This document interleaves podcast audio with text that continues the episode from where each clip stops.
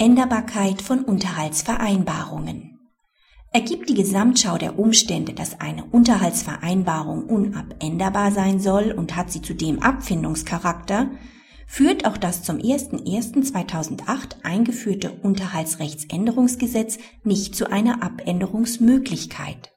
Mit einer Änderung der Rechtslage verwirklicht sich lediglich das durch die Vereinbarung der Unabänderbarkeit vertraglich übernommene Risiko.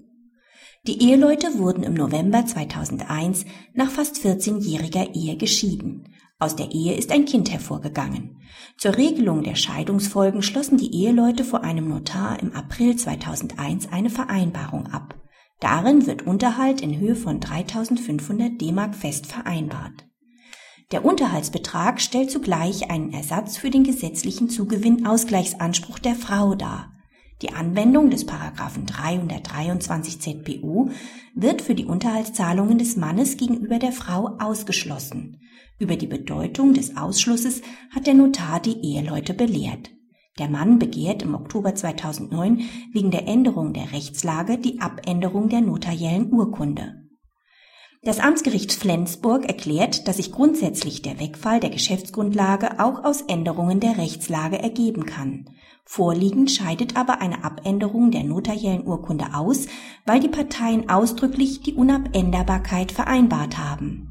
Voraussetzung hierfür ist, dass sich aus einer Gesamtschau der Umstände ergibt, dass die Unabänderbarkeit der Vereinbarung nicht bloße Geschäftsgrundlage, sondern Vertragsinhalt geworden ist, was sich hier schon aus dem Wortlaut der notariellen Urkunde ergibt.